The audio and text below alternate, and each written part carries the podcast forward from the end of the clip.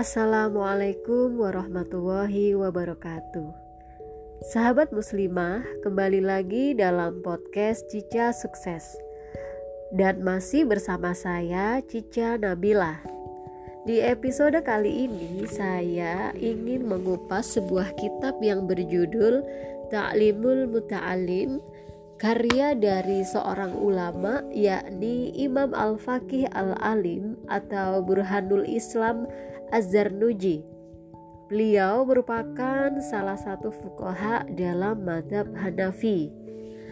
Di buku beliau, di bab yang pertama membahas tentang definisi ilmu, fikih, dan keutamaannya. Rasulullah Shallallahu Alaihi Wasallam bersabda, Tolabul ilmi faridotun ala kulli muslimin wa muslimatin. Menuntut ilmu adalah kewajiban bagi seorang muslim dan muslimah. Sahabat muslimah, sebagaimana kita ketahui bahwa setiap muslim dan muslimah tidak berkewajiban untuk mempelajari semua ilmu, tetapi seorang muslim berkewajiban mempelajari ilmu yang ia butuhkan saat itu. Sebagaimana dikatakan, ilmu yang paling utama adalah ilmu yang dibutuhkan saat itu, dan sebaik-baik amal adalah menjaga amal yang dituntut saat itu. Perlu diketahui bahwa seorang Muslim wajib mempelajari semua keadaan yang akan ia jalani, keadaan apa pun itu. Dengan demikian, karena ia harus menegakkan sholat, maka tentu saja dia wajib mempelajari ilmu tentang sholat, minimal ilmu yang dengannya ia bisa menjalankan kewajiban sholat. Selain itu, sekurang-kurangnya ia wajib mempelajari ilmu yang dengannya ia dapat menjalankan semua kewajiban. Sebab sesuatu yang menjadi wasilah untuk menegakkan sesuatu yang fardu, maka hukumnya juga fardu. Demikian pula, sesuatu yang menjadi wasilah untuk menegakkan sesuatu yang wajib, maka hukumnya juga wajib dipelajari. Begitu juga dalam perkara puasa, zakat, haji, dan juga tentang jual beli.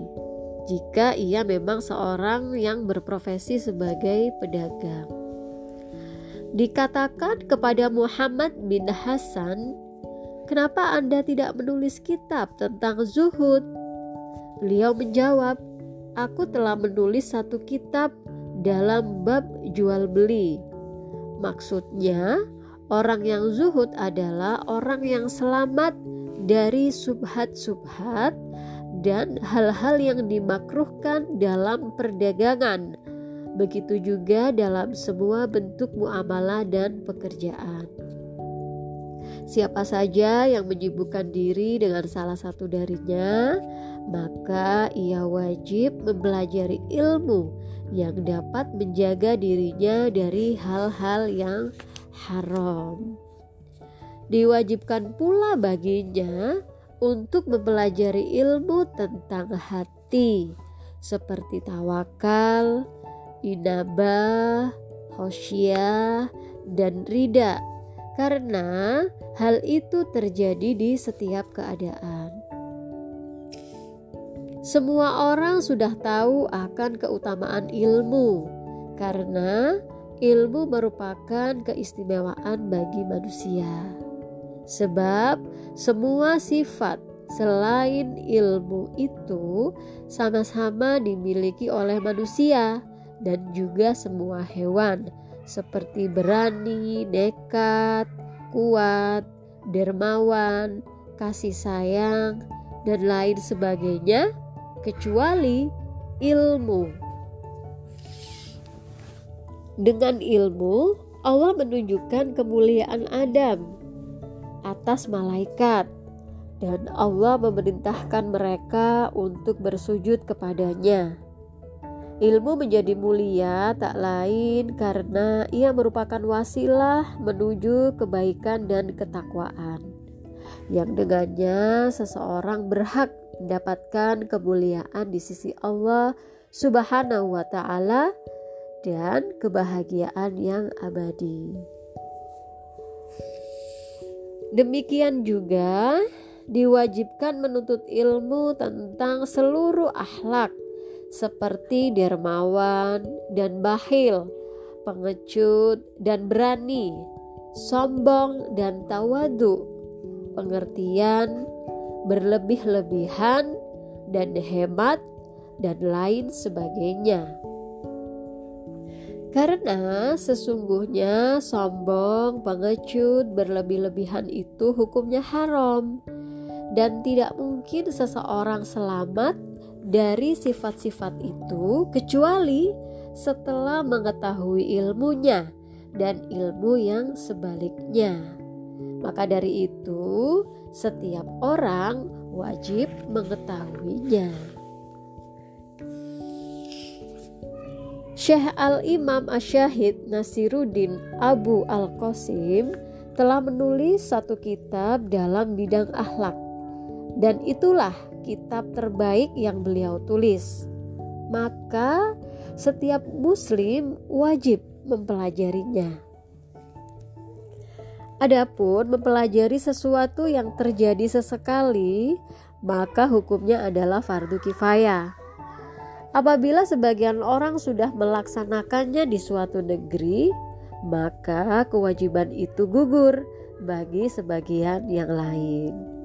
Namun, jika di negeri itu tidak ada seorang pun yang melaksanakannya, maka semuanya berdosa.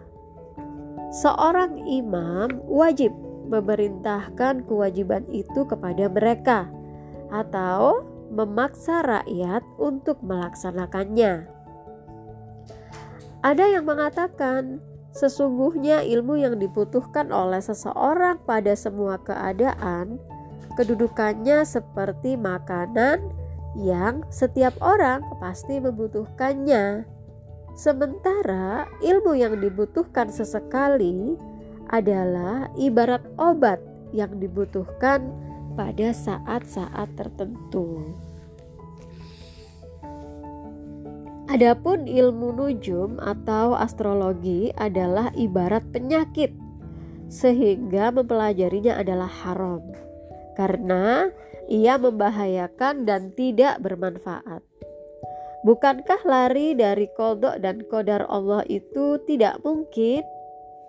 Oleh sebab itu, hendaknya Seorang muslim menyibukkan diri di semua waktunya dengan berzikir kepada Allah, merendahkan diri di hadapan Allah, berdoa, membaca Al-Quran, bersedekah, memohon ampunan dan kesehatan dari Allah di dunia maupun di akhirat, agar Allah menjaganya dari malapetaka dan bencana. Sahabat muslimah, sesungguhnya orang yang diberi rizki untuk berdoa, ia tidak terhalang dari pengabulan. Jika suatu bencana telah ditakdirkan, pasti akan menimpanya. Akan tetapi, Allah akan memudahkan baginya dan memberikan rizki kepadanya berupa kesabaran lantaran keberkahan doanya. Kecuali jika seseorang belajar ilmu nujum sebatas untuk mengetahui arah kiblat dan waktu-waktu sholat, maka hal itu diperbolehkan.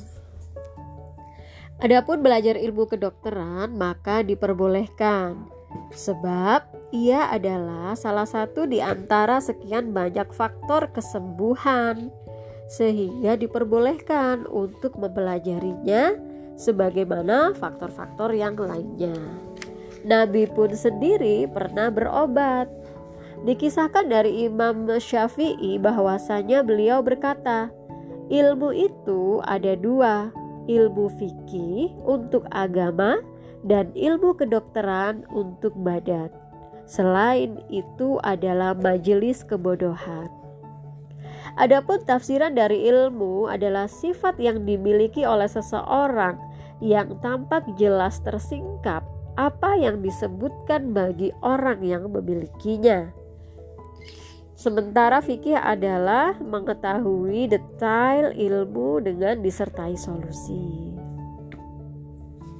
Maka seyogyanya setiap orang tidak lalai terhadap dirinya. Apa yang bermanfaat untuknya, apa yang berbahaya baginya di dunia maupun di akhirat. Hendaknya ia mengambil apa yang bermanfaat dan menjauhi apa yang berbahaya, agar ilmunya, akalnya, dan amalnya tidak menjadi beban pemberat untuk dirinya sehingga menambah beban hukumannya. Kita berlindung kepada Allah Subhanahu wa taala dari murka dan siksanya. Demikian sahabat muslimah untuk episode kali ini saya cukupkan. Selanjutnya akan kita lanjut di episode berikutnya. Wassalamualaikum warahmatullahi wabarakatuh.